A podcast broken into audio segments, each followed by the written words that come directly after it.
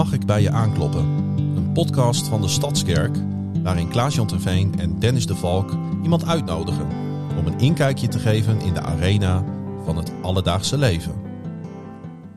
Met toch een beetje een soort van uh, jubileumaflevering, want uh, het is de 40ste Dennis de Valk. ja, dat is, dat is mooi hè? Ja. Prachtig, 40. En still going strong. Ja, is het nog een beetje een bijbels getal, 40? Weten we dat hier aan tafel of uh, betekent dat, niks? Is dat een overhoring? Ja. 40 dagen in de woestijn, weet je dat nog? Zeker, ja. daarom vroeg ik het ook. 40 het jaar. ik wou net zeggen. 40... Ik hoor er iemand op de achtergrond, hoor je ja. dat? Die heeft er zoveel zin in. Maar dat mag, hè? Dat is helemaal niet erg. Dat mag wel. Ja, dat is helemaal ja. niet erg. We gaan lekker door. Maar, uh, maar ik kreeg wel gelijk inderdaad even zo'n... Uh, het kwam even zo'n... zo'n zo ja. Soms heb je van die getallen die hebben betekenis, hè? Ja. hey, um, nou, nou we haar toch al gehoord hebben. Ja, daar zijn we al over uit. Het is een, het is een H. Ja. Laten we maar gaan kijken.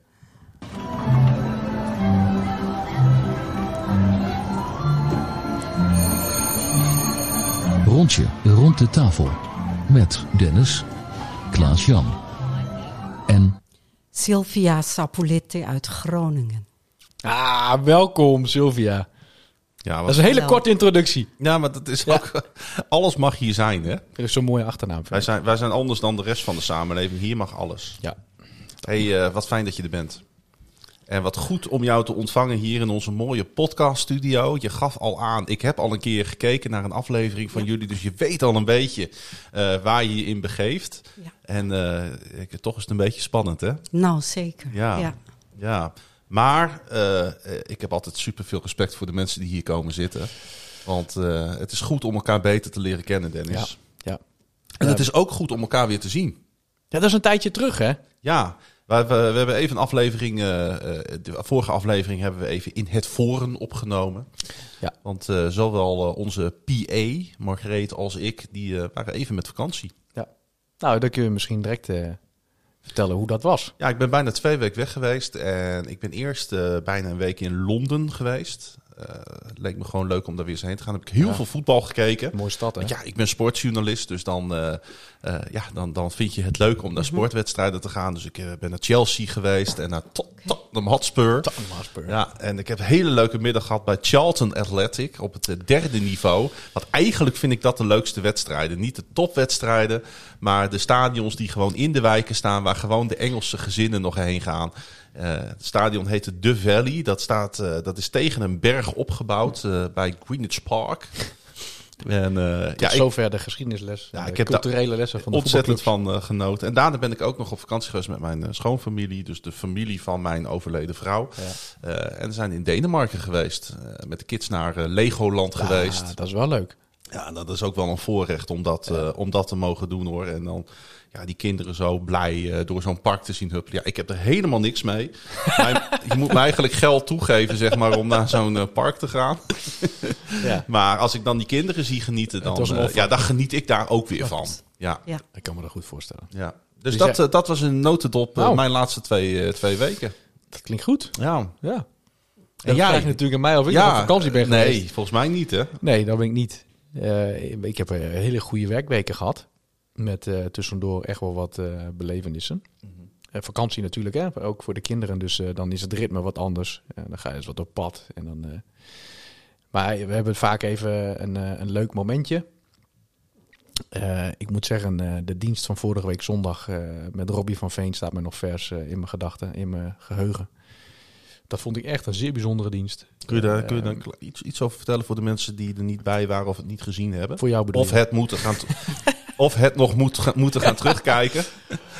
Ja, het was... Uh, hey, daar ben ik niet naartoe gekomen. En, en, nee, dat begrijp ik. Heel kort, uh, het thema was profetisch leven. En uh, hij heeft ons ja, bij de hand genomen om als gemeente te bouwen aan een cultuur van profetie. Dus we hebben ook als gemeente daarin niet zozeer geoefend, maar je kon wel een aantal kapstokken meekrijgen of handvaten meekrijgen om daar mee bezig te gaan. Nou, we hebben vervolgens met de stafbiston de dinsdag daarna dat ook in de praktijk gebracht. En dan kun je zien hoe onwennig het soms is, maar hoe mooi het is als je woorden met elkaar deelt die je meent te ontvangen van de Heilige Geest. En als het dan ook nog raak is, dan, uh, ja, dan is 1 in 1 2. Ja, ik vind het ook altijd heel bijzonder. Ik heb soms zo gedurende het jaar heb ik opeens het gevoel dat ik toch iets moet zeggen. Ja. Omdat ik er echt, echt, echt voor gebeden heb. En Ja. Het is ook niet altijd uit te leggen hè, aan anderen eh, dat je voelt dat dat goed is.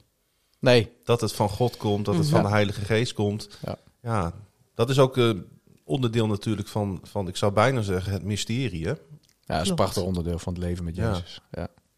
Ja. Maar goed, dat was Maar mijn mooi dat eh, je dat benoemt, joh. Ja. Ja. Sylvia, jij bent nog wat leuks meegemaakt? Ik heb, eh, ik ben sinds 1 mei 2023, dus eh 1 mei dit jaar, werk ik weer 100 procent. Kijk. Na Dat is- één jaar en drie maanden na mijn operatie.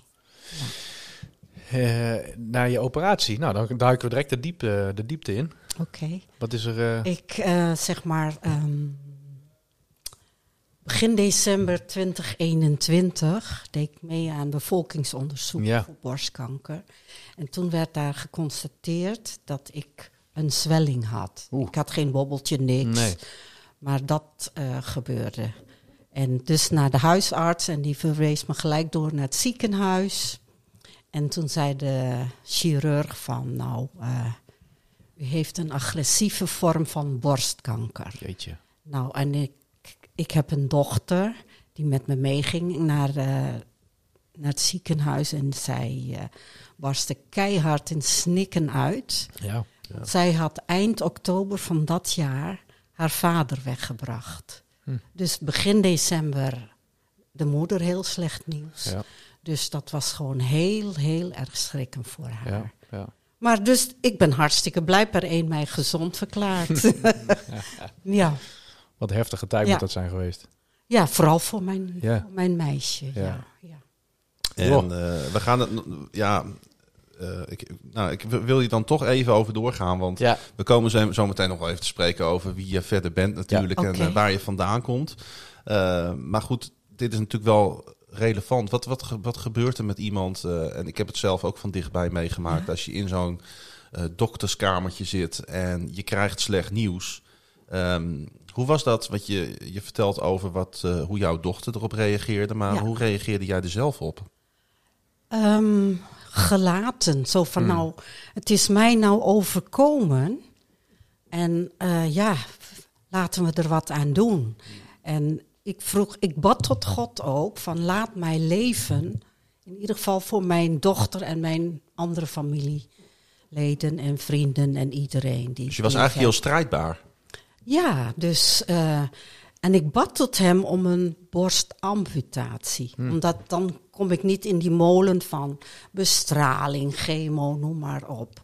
Dus, nou, en ehm 5 de- eh, januari 2022 kregen we de uitslag. De chirurg zei gelijk: het wordt een borstamputatie.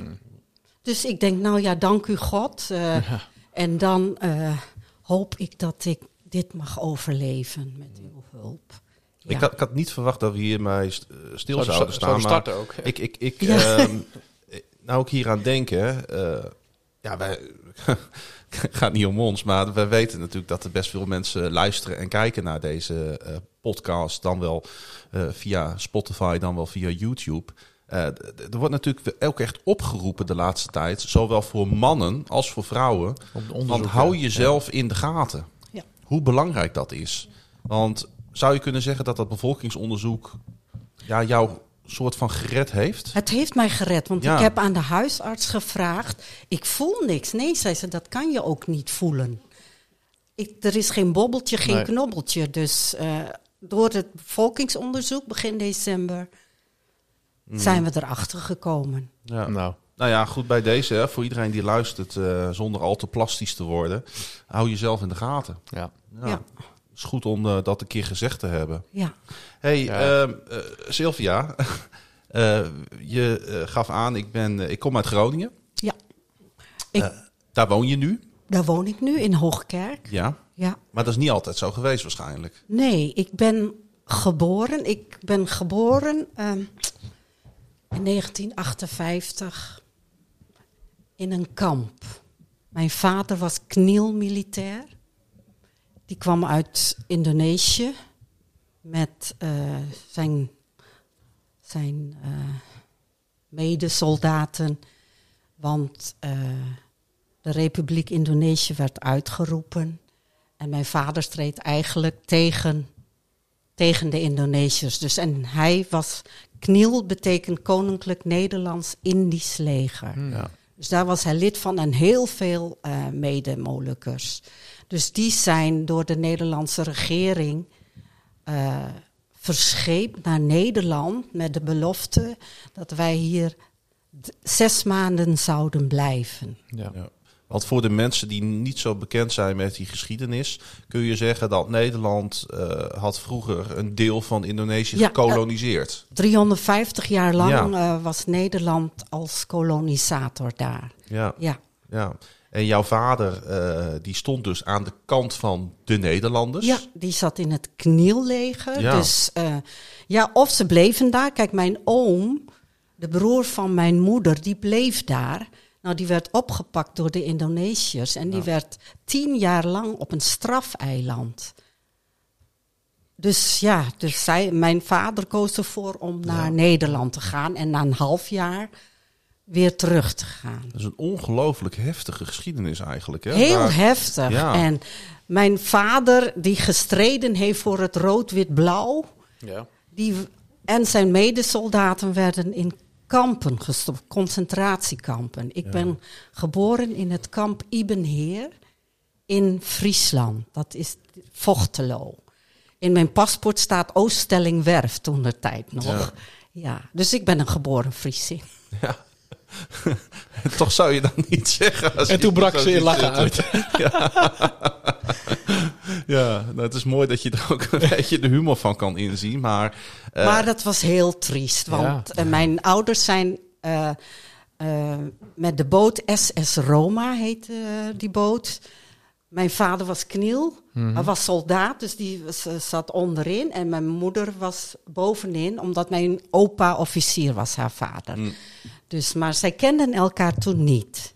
Oh. Nee, oh. ze hebben elkaar pas in Nederland leren kennen. in, in dat kamp. In dat kamp. Ja, ja want eh, jij benoemt dat als, als, als, iets, als iets treurigs.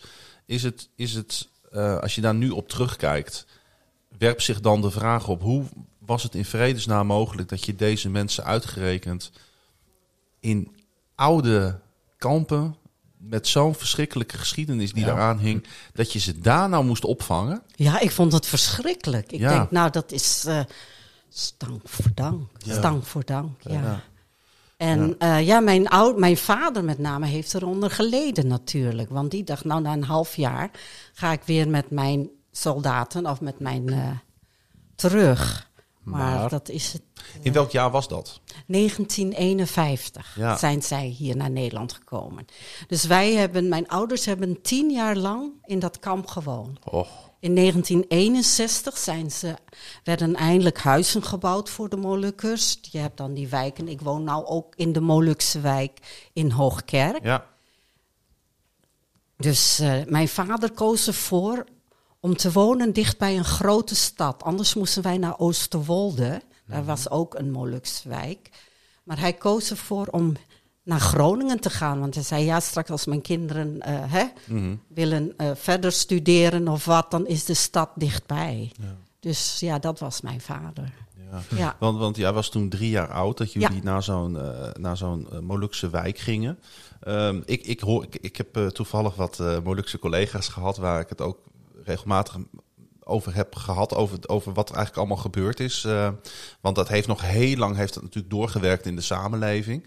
Ehm, er is toch bij een aantal Molukkers, en ik wil het niet generaliseren, is er een gevoel van waar kom ik eigenlijk vandaan? Een soort van ja, ontheemding, om maar eens een ouderwets woord te gebruiken van waar ben ik eigenlijk geworteld? Wat ben ik eigenlijk? Ben ik Nederlander? Ben ik Molukker? Ben ik allebei? Zit het ertussenin? Eh, je hoort dingen van je ouders. Eh, er zijn natuurlijk, daarna zijn er in de samenleving zaken gebeurd. Eh, hè, de meeste mensen weten natuurlijk van de treinkapingen in de jaren 80, als ik me niet vergis. Nee, jaren Nee, nee, 70. 70, 70, 75 75. en, ze- en 77. Ehm, het is natuurlijk een, een, een, een, eh, een ehm, ja, het is natuurlijk niet allemaal even makkelijk geweest. Absoluut niet. Nee. Ik, heb, ik heb een Spartaanse opvoeding gehad. Ja. Mijn vader was militair, dus eh, Ja. je moet gewoon luisteren wat hij zegt. Maar goed, daarna begreep ik later ook dat hij gefrustreerd, gefrustreerd was door hè, Ja. eh, dat ze niet terug konden naar de Molukken. Hoe heeft dat jou gevormd? Ehm, ik heb dat allemaal van heel dichtbij meegemaakt. Mijn vader was ook actief in de politiek en actief in het geloofsleven. Hmm. Dus ja, van beide kanten. 25 april gingen we altijd toen de tijd naar Den Haag. Dus 25 jaar lang petitie aangeboden naar, aan de Nederlandse ge- regering van... hé, hey, wij leven ook nog, wat doen jullie nou met ons? Nooit wat op gereageerd. Vandaar dat er toen de kapingen ontstonden. Ja, ja. Door de onvrede van de jongeren. Ja. Vind je dat lastig om daarmee te dealen, dat mensen daar steeds over beginnen? Nee hoor. Oké. Nee, ik vind het niet lastig. Nee, ik, ehm, ik voel mij Molukker. Molukse. Ja. Ja. Dat is een beetje waar ik naar vroeg. Hè? Hoe, Ja. waar, waar kom je vandaan? Hoe voel je je? Ik, ik, ik, ik kan me daar... Ik ben gewoon geboren in Groningen, getogen in Groningen. Ik woon nog steeds in Groningen. Voor mij is het heel simpel. Ja. Kijk, ik, ik ben opgegroeid in de Molukse wijk, hier in Hoogkerk. We hebben een eigen eh, kerk, eigen verenigingsleven. Nou, en eh, die, die eenheid, dat was er, hè? Ja. Dus, en dat merk je nu wat minder. Maar goed, ik ben vanaf mijn twintigste ben ik ook weggegaan uit, uit Hoogkerk. Dus ik, ben, ik woon nu sinds tien jaar weer terug in de Molukse wijk. Ja. Na de scheiding. Hoe, eh, hoe, is je, hoe is je jeugd verder gewoon geweest? Kun je daar eens wat over vertellen? Mijn jeugd was prima geweest. Ja, wel streng. Maar eh, ja, we deden eh, in een goed gezin. Mijn vader was, mijn ouders geloofden goed. Mijn vader die eh, was ouderling, 40 jaar lang. Zo. En na 40 jaren zei hij eindelijk, ik stop ermee. Nou geef ik het stokje over aan de ander. En dat was 1 januari 2012. 12 januari 2012 stierf hij plotseling. Dus ja, ook op een zondag. Dus we zeiden ook, want de dominee wilde niet dat hij wilde, eh, wilde gaan stoppen. Maar hij zei nee, na 40 jaar vind ik het wel. Het is goed geweest. Ja. Dus eigenlijk zijn hele leven hier Ja. in Nederland aan de kerk ook gegeven. Ja, ja hij Ja. begon bij de eh jongerensectie en noem maar op. eh, Totdat hij ouderling was. En ja, Ja. dus ja, wij moesten elke zondag naar de kerk. ja, want er zat wel een soort van... Moet! Ja, er zat wel een, een soort van dwang achter. Dus. Ja, ja, Ja. maar ja, goed. Mijn ouders komen uit het oosten. Hè. Dat is anders dan hier. Als ik zo zie bij de Ja. VBG. En anno nu is het heel vrij. Als je niet wil gaan, hoeft niet. Nee. Maar, Heb, je, heb jij nog trouwens nog wat met, met, eh, met, met de Molukken? Ga je daar nog wel eens heen? naar de, sorry? Naar Indonesië? Da- ik zou heel graag willen. Ja. Heel graag willen. Alleen ik ben de laatste jaren ben ik ziek. ja. Ja. De ene ellende overkomt Hmm. mij. Dus eh, nee. ja. Maar het is wel een wens om daar... Absoluut. Ja. Ja. Ja. want mijn dochter die wil graag daar ook naartoe. En ik zei, als wij naar het ouderlijk huis gaan van opa, mijn vader. Dat is op het eiland Saparua op het, en het dorpje Sirisori. Dan moet mama mee om jou Ja. in dat ouderlijk huis te begeleiden. En dat gebeurt dan ook weer met Ik traditie. wil zeggen, ja, traditioneel. Ja. ja. Ja, je kan niet zomaar er naartoe Nee. of dat zij alleen gaat. Nee. Nee. Nou, nou laat jij vallen. eh, ik, heb, ik heb behoorlijk wat ellende meegemaakt. Eh, kun, kun, je, kun je daar wat over vertellen?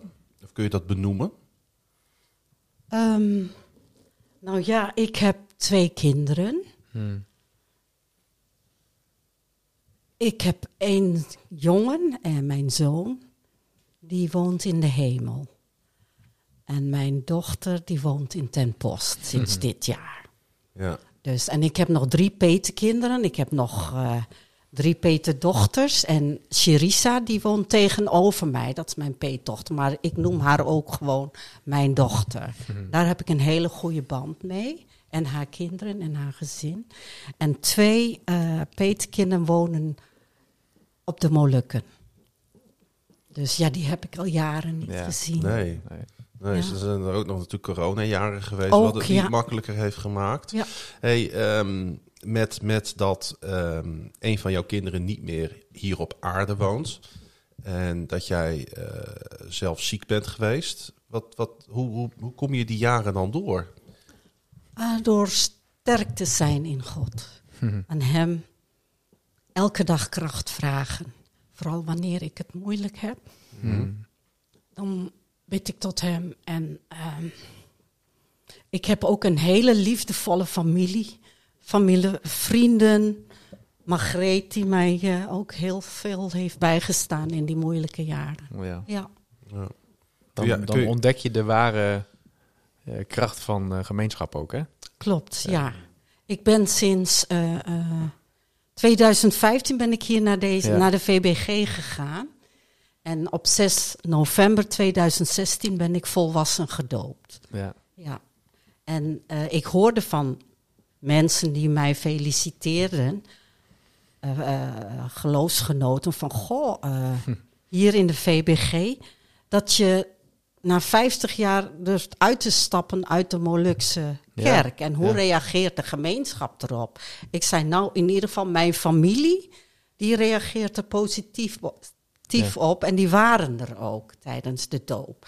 En het was ook heel bijzonder, die doop. Meestal heb je hoeveel eh, dopelingen en, Ja. en, ja, heel veel. Bedoel Ja. je? En ja. toetreders? en toetreders. en.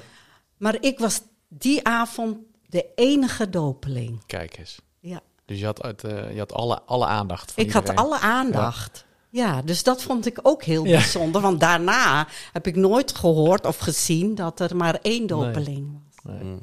Ja. Wat, wat is er veranderd eh, aan, aan jou eh, met, met, met die switch van de Molukse kerk naar de VBG, naar de Stadskerk? Eh, eh, mijn geloof is gegroeid. Ook door de inspirerende diensten. Ja, dat opende mijn ogen. Ja. Ja, Dat en, en, en, en de liederen, dat vond ik ook, vind ik ook geweldig. Ja. En Dat hoe kun je, kun je, sorry dat ik je onderbreek, maar kun je, kun je eens uitleggen wat je bedoelt met mijn, eh, mijn geloof is gegroeid? Op welke manier komt dat in, in jouw leven tot uiting? Nou, eh, ik, als ik de Bijbel lees, ja, dan geloof ik dat wel, weet Ja, je. Maar ja. In het dagelijks leven, echt dat je aan God, aan Jezus moet gehoorzamen. Dus dat heb ik dan geprobeerd, Ja, van naar Hem gehoorzamen. Is dat gehoorzamen misschien veranderd? Want eh, misschien was dat gehoorzamen voor jou vroeger dat je door je ouders op zondag iedere keer maar weer naar de kerk werd gestuurd. Is het nu een ander soort van gehoorzamen aan, aan God en aan Jezus? Ja, vrij, eh, hè, dat het uit ja. komt. Dat ik met plezier naar de kerk ga. En Ja. op den duur, ja, ik wil eh, niks ten nadele van de Molukse Nee. kerk. Hmm. Maar de laatste jaren bij mij waren van, nou ja, het inspireert mij niet. Nee. Ik zit, ja, en dan ga je naar huis. Nee, dat, eh, dus dan heb ik naar een andere kerk gezocht. Dat was ook een jarenlange zoektocht hier in Groningen naar die kerk, die kerk, die kerk. Totdat ik, en ik zat dan ook vaak voor Hour of Power. ja. En toen zag ik Theo op de bank zitten. Oh, wat prachtig. en die zei van, ja, ik ben Ja. pastor van een jongerenkerk of eh, een gro- grote kerk Ja. in Groningen. Ik denk Groningen. Daar, Daar moet ik heen. dus en later Wilma, mijn vriendin, Ja. Eh, die eh, zei, eh hey Sil, die stuurde mij een hele mooie bijbeltekst. En eh, toen zei ze later van, hey, wil je ook naar de kerk zondag met mij? Ik zei, waar naartoe? Ja, de kerk aan de Friese Straatweg. Ik zei, oh ja, graag, want ik heb vorige week of een paar Ja. weken geleden hè, Theo van de Heuvel gezien. Ja, Bijzonder, hè? Ja, grappig En- hoe dat dan gaat. hè? via Ja. Hour of Power kom je in aanraking. Ja, nee, maar dat was ook heel bijzonder. En Ja. Dit moet Theo toe- geweldig vinden om te horen dit. Ja, ja, ja, ja, ja. ja. Want je moet er toch maar gaan zitten, hè? ja, Ah, wat goed zeg. Nationale, nationale televisie. Ja. En dan bereik je, dat is wel mooi, nationale televisie bereikt iemand die in, in Groningen... In Groningen, ja, precies. Ja, en ik was nog aan het zoeken, hè, Ja. van, Ja. eh, op zoektocht naar Ja. een kerk voor En mij. toen, en toen kwam je hier binnen. Ja, geweldig, hè. en eh, ik zei tegen Wilma ook van, eh, ja, nee, eh, dat was zeg maar in oktober 2015, geloof ik. Want ik deed de Alpha-cursus in Hoogkerk. Oh ja. En eh, ja, toen zijn wij hier gekomen, wij beiden. Dat voelde direct als een warm bad. Het voelde heel goed, ja. Ja. Ja, en voelde, ik je, zei, voelde je ook heel erg welkom? absoluut. Ja. Ja, ja. Ja, mooi hè. Ja, en om even terug te gaan zeg maar, naar de verhaallijn. eh, eh, om daar toch even naar te vragen. Wa- wanneer eh, wanneer, wanneer ja, overkwamen jou de dingen in het leven... eh, nou ja, waar je met, met, met, met pijn nu eh, nog steeds op terugkijkt? Klopt, dat is nou ja het verlies Ja, Ja. en het lijden van mijn zoon. ja. Ik zeg altijd mijn jongen. Ja. ja. En het Tuurlijk. is ook mijn jongen. En eh, hij had de laatste, na de echtscheiding, had, kreeg hij het heel erg moeilijk. En de laatste drie jaren heeft hij bij mij gewoond. Maar daarvoor al merkte ik dat hij er heel veel last van had. En ja, ja hij... eh, ik heb drie jaar met hem geleden en gestreden aan God gevraagd. Wat wilt u met mijn Mhm. jongen? Ja. Moet hij hier nog blijven? Of Ja. wat wilt u met hem? Dus eh, ja, en op een dag is hij naar huis gegaan. Hmm. ja. Eh, welk jaar is dat gebeurd? 2018. Ja, Ja, vijf jaar geleden nou, Ja. dit jaar. vijf jaar alweer. Ja. Ja. Ik ga ook elke week naar het graf. Mm. Ik breng elke week verse bloemen. Hm. En eh, als het slecht weer is, natuurlijk niet. Vanochtend ben ik ook niet geweest. Nee, Maar eh, ja, groot heftig. ik mis hem heel erg. Ja. Maar goed, ik heb mijn verhaal in het kerstfeest 2020... Ja. heb ik verhaal over verlies en rouw gehouden. En Waar- waarom, waarom heb je dat toen gedaan? Had je daar een, een heel sterk gevoel over dat je dat moest doen? Nou, ik werd benaderd door Edwin van Ja. Rennes. En die zei ook van, het is wat jij wil. Ja. Maar ik vraag jou, wil jij iets vertellen over verlies en rouw? Ja. En ja, dacht ik, God is zo goed voor mij. Ja. Laat mij over hem getuigen. Dus toen heb ik dat verhaal gemaakt. Dat is natuurlijk een thema wat, eh, wat we de afgelopen tijd ook in onze gemeente eh, meer naar voren hebben eh, gebracht. Ehm, is het goed om daar met elkaar over te praten?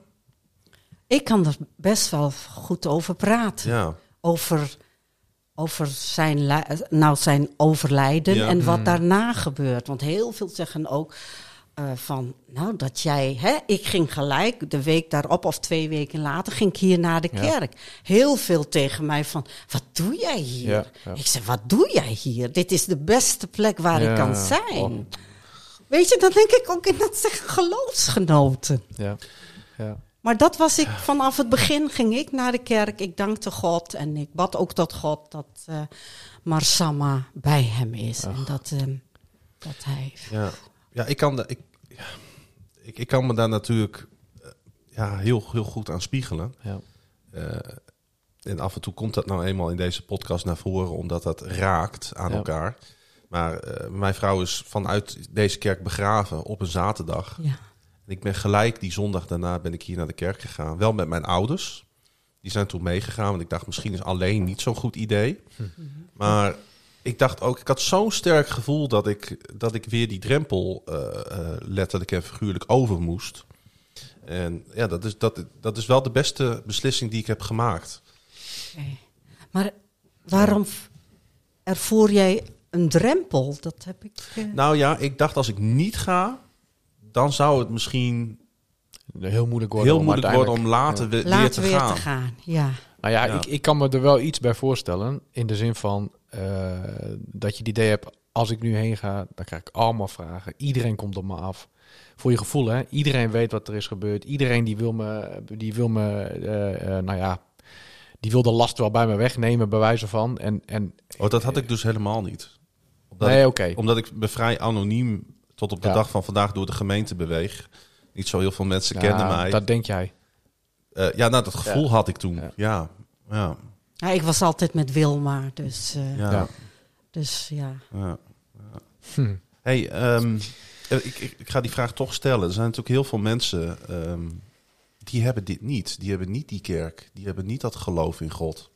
Eh, wat, kun, je, kun je je enigszins voorstellen dat je door al die door jouw leven heen zou moeten gaan, door al die worstelingen, maar ook de mooie dingen natuurlijk, hè, die je in dankbaarheid ontvangt, dat God daar geen rol in heeft. God heeft natuurlijk een rol. Ja, Ook in zeg maar mijn lijden en mijn vreugde. Dat, hij is altijd aanwezig. En waarom ik eh, een groot verlies heb, ja, hij heeft daar zijn bedoeling mee. Het heeft mij ook natuurlijk gesterkt in het geloof. Ja, jij zegt natuurlijk, maar er zijn heel veel mensen die hebben ook tegen mij gezegd van hoe kun jij nog in een God geloven Ja. die jou zo, zoveel, ja, die jou Pijn. zoveel pijn Ja. eh, brengt in, in het leven hier op aarde. ja. Ja, wat, wat, is, wat zou Maar jouw God antwoord heeft zijn? dat ook beloofd.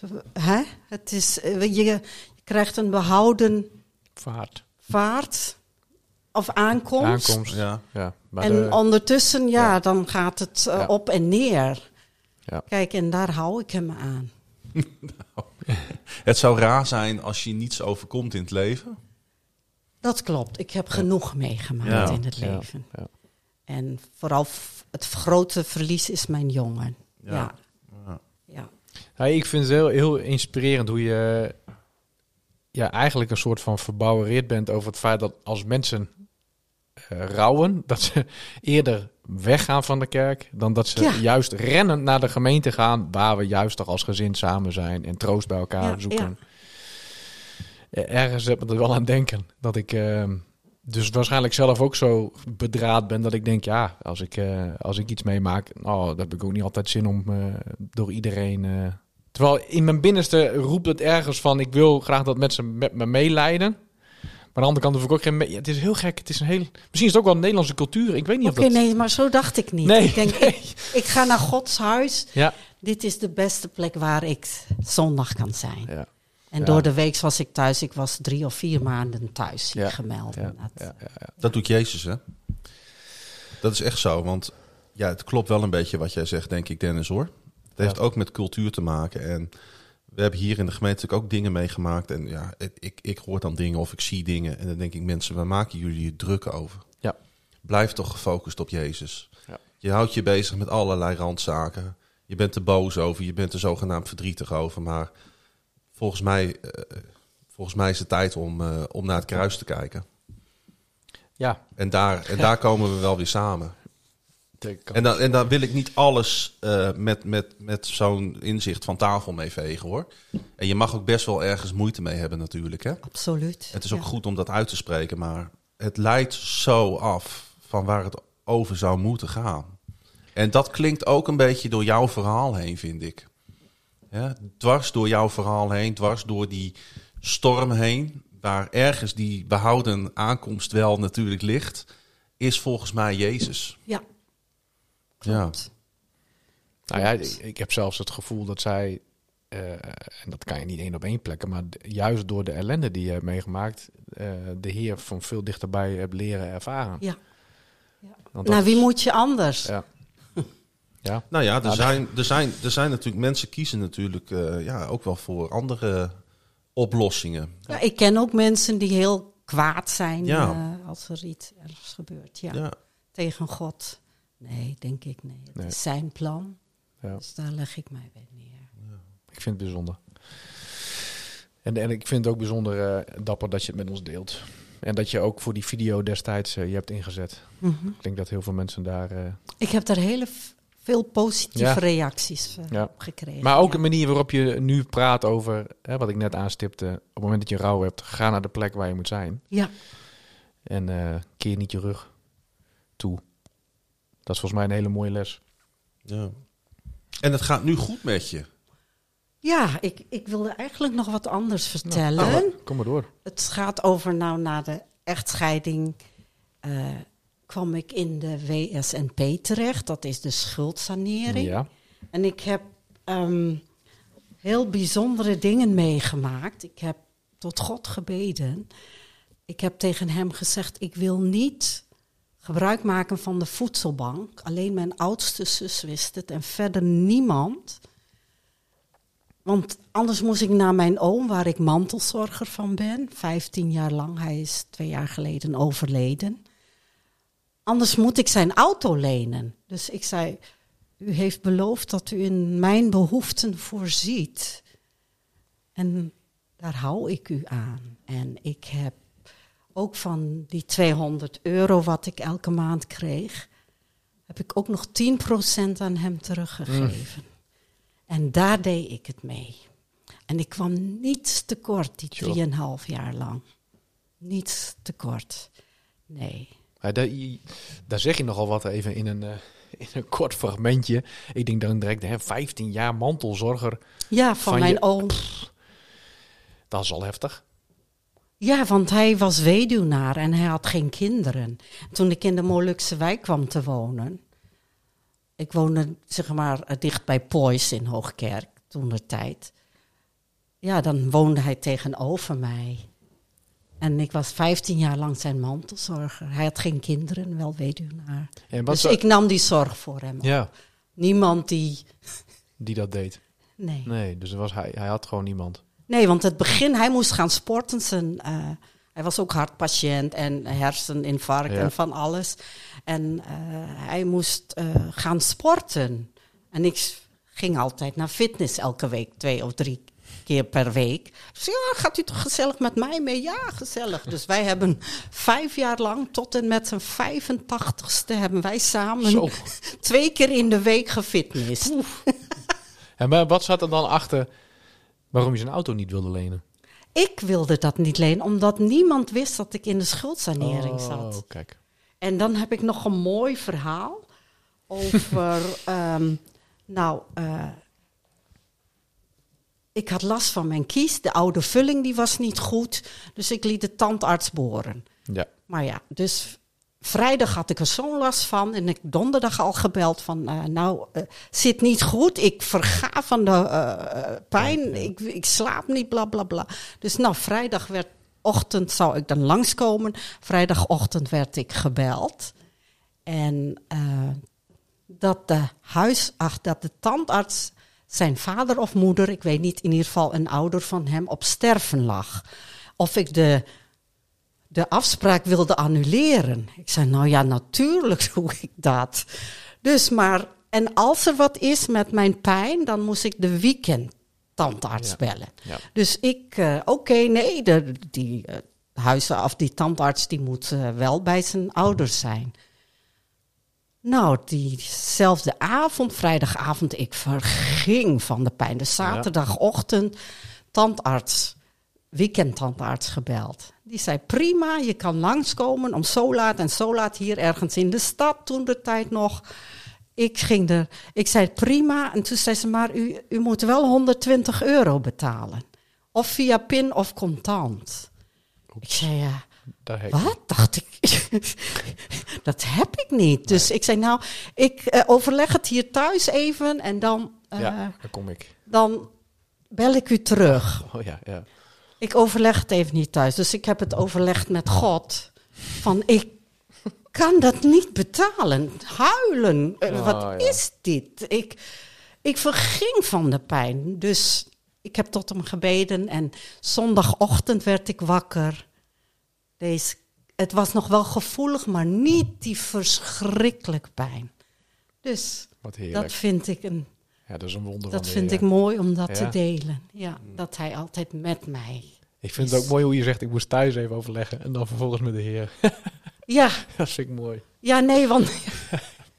en ze dwong ook die, die, die Ja, ja. assistenten van. Ja, ja dat moet. Eerder Oh, kom je, ja. je moet vooraf betalen. En, eh, ja. Ja, prachtig. Dus je hebt gewoon een paar getuigenissen opgeschreven van mooie daden van de Heer in je leven. Klopt. En ook toen de tijd tijdens de sanering. eh, ik, ik zat in het welkomteam. Ja. En eh, wij zouden als team zouden wij het boek bespreken van Theo, van Ja. Bidden. Dus en Marleen eh, had het geregeld dat. ehm, Margreet, hè? Ze zegt ze weer Marleen. Geen probleem. Ehm, ja, dus ik kreeg dan een boek en dan moest ik Dennis bedanken. Dus dan ben ik naar Dennis gegaan en ik heb hem maar een ben knuffel gegeven. Ben je naar mij gegaan? Jazeker. Marle Margreet zei van, ja nee, Dennis. Ik zei, wie is Dennis? Ja, Oh ja, ik, ja oh. maar daar praten we ook over een paar jaar, over een paar jaar geleden. ja, hè? ja. Ik heb zoveel knuffels gehad intussen, ik kan het niet meer terughalen. Nee, maar dat was in Ja. verband met dat boek. Jij Ja. was toen hoofdvolwassene Ja, of wat? ja, ja, dat klopt, dus, ja, ja. eh, ja, ja, nee, hij zit daar en daar. Wat lief. Ja. We hebben nog niet eens heel aangestipt natuurlijk. Maar dat zit wel ook heel erg... eh, eh, is dat verbonden aan jou? De kracht van gebed. Dat- Kracht van, ge- weet je, dat, Dat- ik dat- heel, in het openbaar kan ik heel, vind ik heel slecht bidden. Ik, kracht van het gebed, ja zelf hè, Ja, mijn, de- mijn, mijn Dat persoonlijke bedoel lijn ik ook. naar God. Dat bedoel ik ook. ja, Ja. ja, ja. ik Maar bid je- en ik vraag aan hem. Vind, je het, vind je het spannend om in, een, om in het openbaar of in een groep te bidden? Ja, dan komt er niks uit. Vraag maar aan eh, Margreet. Want die zat in het welkomteam. En dan bidt om de zoveel hè, iemand. Ja, Ja, dan durf ik niet. Dat- Nee. Dan komt er niks uit. En ik wil niet hakkelen en stotteren. Nou ja, het gaat uiteindelijk om jouw persoonlijke relatie met Ja. Jezus. Klopt, ja. Ja. En, en dat is het allerbelangrijkste, zou ik willen Ja, zeggen. dat, Dus eh, ja. ja, laat dat dan maar aan iemand anders over. Ja, Ja. Als, als, alsof dat een soort van luikje zou zijn die iedere evangelische christen zou moeten hebben. Nee, dat niet. Maar het is wel eh, samen genieten van eh, de kracht van gebed heeft natuurlijk ook heel veel met gemeenschap te maken. En dat Ja, heeft er niet ja. zozeer mee te maken dat, dat iedereen het... Nee. Kijk, want het gaat erom of je nou hakkelt. Ik wil ook niet zeggen dat we dat niet moeten doen. Nee, nee. Dus er is altijd een beetje een... eh, Ja. nee, maar dan weet ik niet meer wat ik zeg, weet Nee. je wel. Dan denk ik, ja, iedereen luistert en dat, die Maar- spanning al. Maar dat is hier ook zo, hè? Je zit nu ook voor een microfoon te praten en er zijn heel veel mensen die luisteren. Klopt. En toch vertel je fantastische dingen. ja, Eigenlijk is het een soort van doorlopend gebed. Oké. ja. Ja, denk, denk daar maar eens over na. Ja. Zal ik doen? Het zou wel eens kunnen zijn dat je er beter in bent dan je zelf denkt. Met heel veel dingen zo, hè? Ja, dat is zo. Ik denk ook bij mezelf, ik kan helemaal geen plankje ophangen. Maar ik denk dat als ik het probeer, dat het nog lukt ook. Daar ben ik heel erg benieuwd naar. Ja, ik ook. nou zeg ik weer iets wat ik niet kan waarmaken. We gaan de volgende keer het hebben over het plankje in de woonkamer bij. Ja. Hey, eh, Je, wil je nog wat vragen? nee, ik, Oh. ik ben eigenlijk heel benieuwd naar, eh, naar wat Roelof eh, ons deze keer te vertellen heeft. We gaan luisteren.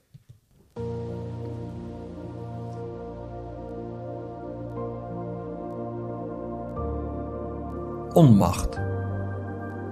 Onlangs overleed rabbi Harold Kushner, de schrijver van het boek Als het kwaad goede mensen treft.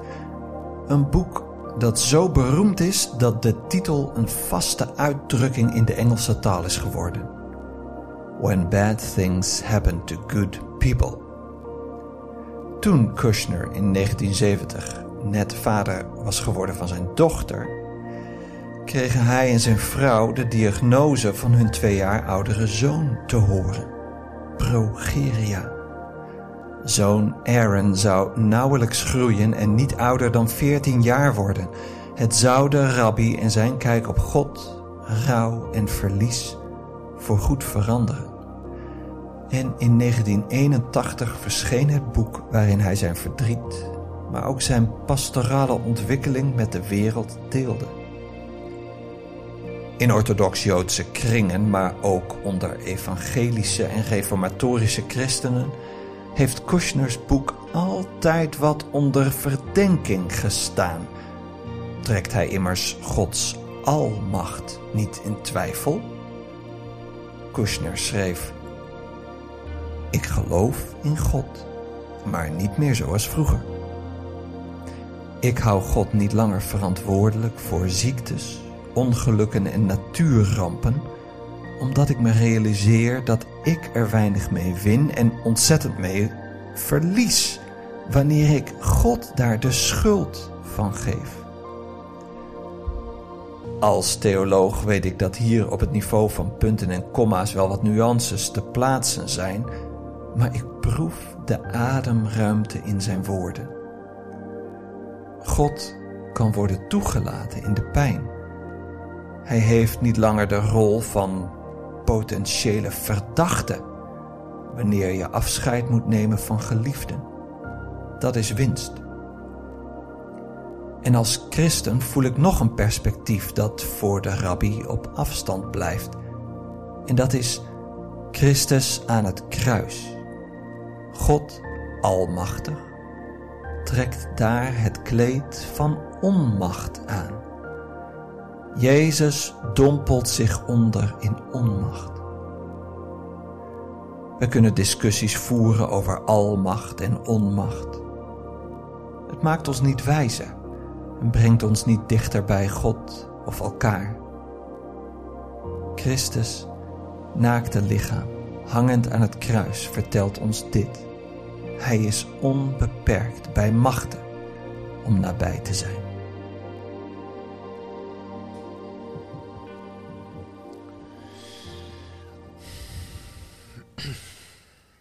Ja, daar komt ook weer eh, Ja, terug waar we het over gehad hebben. Ja. Ja. ja. Dat, weet je, daarom, ik kreeg dat beeld eigenlijk al de hele aflevering, had ik dat al voor me. Hè, dat beeld van Jezus aan het kruis. Oké. Ja. ja. En ik weet dat het, het, het klinkt bijna simpel hè, om dat te zeggen als christen. Want dat is natuurlijk de basis van ons geloof. De basis van ons geloof is Jezus. Klopt. Zonder, zonder, zonder hem en, en wat hij voor ons gedaan heeft door God heen. Ja, hadden wij hier nu niet gezeten. Nee. En had jij hier niet zo nu ge- gesproken over jouw leven zoals jij dat hebt gedaan. Ja, ik heb eigenlijk nog twee dingen wat ik wil vertellen, als dat kan. Kom maar door. Joh. Lukt dat nog? Ja, hoor. natuurlijk. Eh, ik vertelde 5 januari 2022. Ja. Waar zaten wij de- bij de chirurg? Van nou, het wordt een heftige operatie. 6 januari werkte ik thuis boven. En toen belde iemand aan tegen tienen. Dus het was een oud klasgenootje van Marsama, mijn zoon. Van de basisschool. Maar zij woont bij mij op de hoek. En ehm, toen zei ze van, ja, ik heb gedroomd en dit en dat. Ik zei, kom naar binnen. Het is januari, we gaan niet voor de Nee. dus toen ging ze op de bank zitten en ik op de andere bank. En toen zei ze van ja, ik heb twee nachten achter elkaar gedroomd dat Marsama in mijn droom komt. Hij zei, jij moet mama een bloemetje brengen. Ze zei, nou, dat geloof ik niet. Nee, dat heb ik compleet genegeerd. De volgende nacht droomde ze weer voor de derde keer. Jij moet mama een bloemetje brengen. Dus, en toen haalde ze van achter haalde ze een mooie bos bloemen voor mij. En het was een mooie eh, bos met alleen oranje bloemen. En Marsama zijn kleur, is, lievelingskleur is oranje. Dus dat vond ik heel bijzonder. Ja, Ja, nou zeker is dat bijzonder. dus dat, ja, dat deed me goed, huilen. Ja, En, ja. en toen vertelde ik haar ook, want niemand wist het, Nee. dat ik werd geopereerd eh, eind van de maand. Dus ja, dat vond ik, eh, Ja. dat deed me heel goed, dat het gewoon, dat hij ook bij mij Hmm. is. Ja. Ik kan me goed, ik kan, dat kan ik me heel goed voorstellen dat dat een eh, heel bijzonder gevoel is geweest. Ja, toen zei de bloemen, toen ze zei van ja.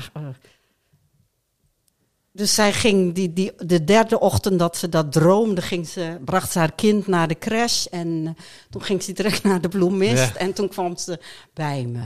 Ja, dat vond ik heel mooi. Ja, prachtig.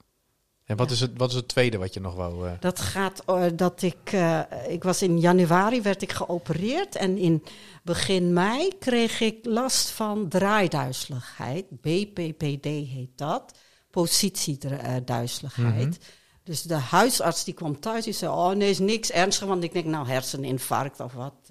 Nee, zei ze van, jij hebt BPPD, die ja, ja. duizeligheid. Het duurt twee weken en dan moet je ook oefeningen gaan doen. Dat heet de Epley-beweging en dan laat je ze vallen. Nou, dan ga ik helemaal over de Ja, kop. Een ja, ja. aanval duurt één minuut lang. Dus tot trillens toe, tot kruipens toe. Maar bij mij duurde het gewoon te lang. Na vijf weken ging ik naar de huisarts. En die deed weer. En toen werd ik gewoon heel wan- wanhopig enzovoort. En ze zei, nee, het gaat vanzelf over. Gaat er maar ik ga tig keer over de kop. En eh, dacht ik, wat is dit? Dus toen ben ik ook weer met God gaan praten. En toen hoorde ik een stem, trek de wapenrusting Gods aan. Dus dat deed ik. En na een paar, na ruim een week, was ik daarvan genezen. Tot nu toe. Kunnen we wel een boek maken? Ja, Een boek schrijven met alle getuigenissen van eh, Sylvia. Dit is wel echt mooi, hè?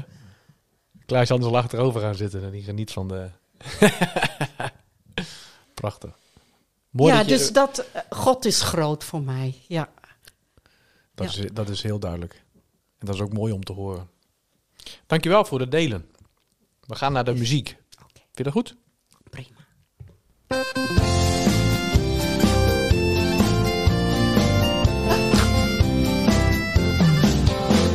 Liedje erin, liedje eruit. Beginnen we natuurlijk met het eh, liedje van eh, onze gast Sylvia. Wat heb je uitgekozen en waarom heb je dit lied uitgekozen? Ik heb het lied van Michael W. Smith heb ik uitgekozen, Agnus Dei.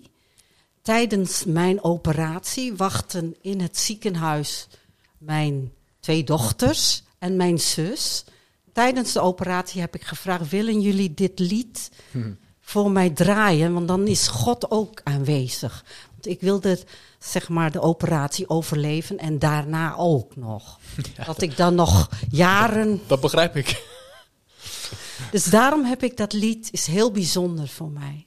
Ja, eh, hij komt natuurlijk vaker voorbij in onze afleveringen. Michael W. Smith heeft toch voor heel veel mensen eh, grote betekenis gehad hè, in hun geloofsreis.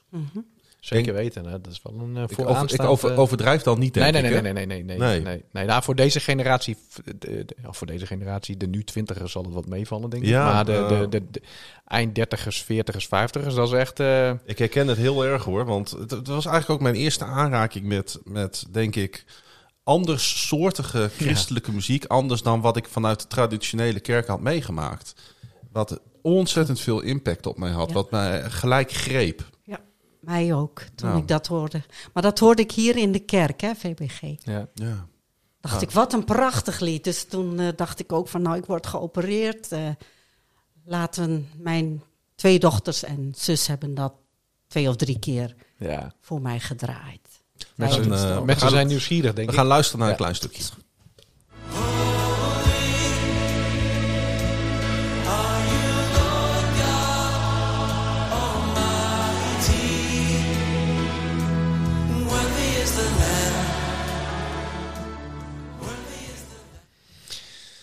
Worthy is the lamp, you are holy. Prachtig. Yes. Michael W. Smith. En er moet ook een eh, liedje uit. Dat vond jij lastig, zei je? Want je, Ja.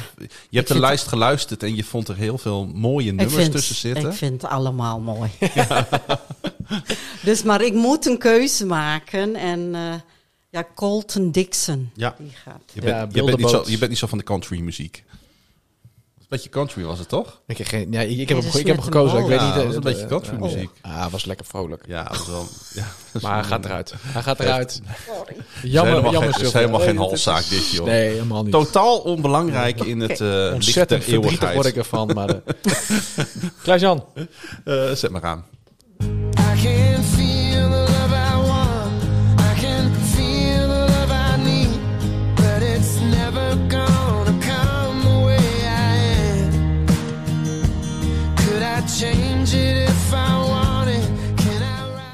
Ja, dit is zo lekkere muziek. Nummer eh, doet altijd wat met mij als Ja. ik het hoor. Ik vind het heel bijzonder. Het gaat eh, eigenlijk het gaat over familiebanden. Als je Ja, ja, ja. goed naar de tekst kijkt, kijkt, gaat het over van waar kom ik vandaan? Eh, wie zijn mijn ouders? Hoe kom ik van ze los? Kom ik van ze los? Is het nodig om van ze los te komen? Ehm, en dat is natuurlijk ook wel een thema waar we het af en toe in de gemeente over hebben. Ja. En dat blijf ik mateloos interessant vinden. Hè?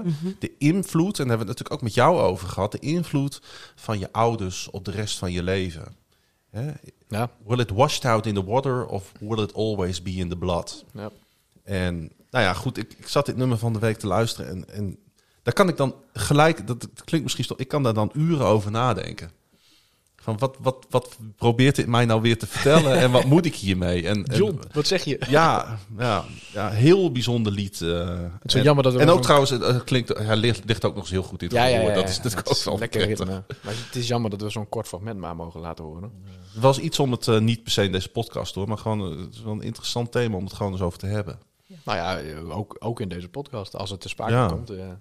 Zit er altijd, wat je precies zegt, wat, er zit er altijd in eh, verweven. Welke mag eruit?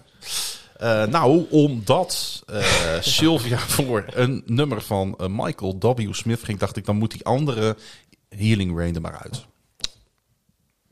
Nummer 5. Ja. Nou, ik heb eigenlijk een soortgelijke constructie in de Ja, zin van eentje erin, eentje eruit. Dus ik ga alvast zeggen dat nummer 1 elke andere naam vervaagd eruit gaat. Maar dat betekent ook dat wij van WC Eend WC Eend promoten, want ik heb weer een hele mooie.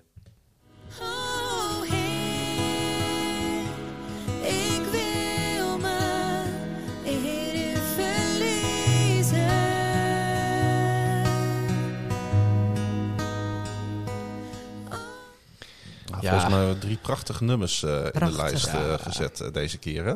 Ja, dit is wel echt, echt toch eventjes weer aandacht voor de muzikaliteit in onze Mm. gemeente. We hebben gewoon een eigen album. En één keer in de twee weken op woensdag wordt er weer een nieuw nummer op YouTube met een officiële clip. Ja, dat is wel echt grandioos.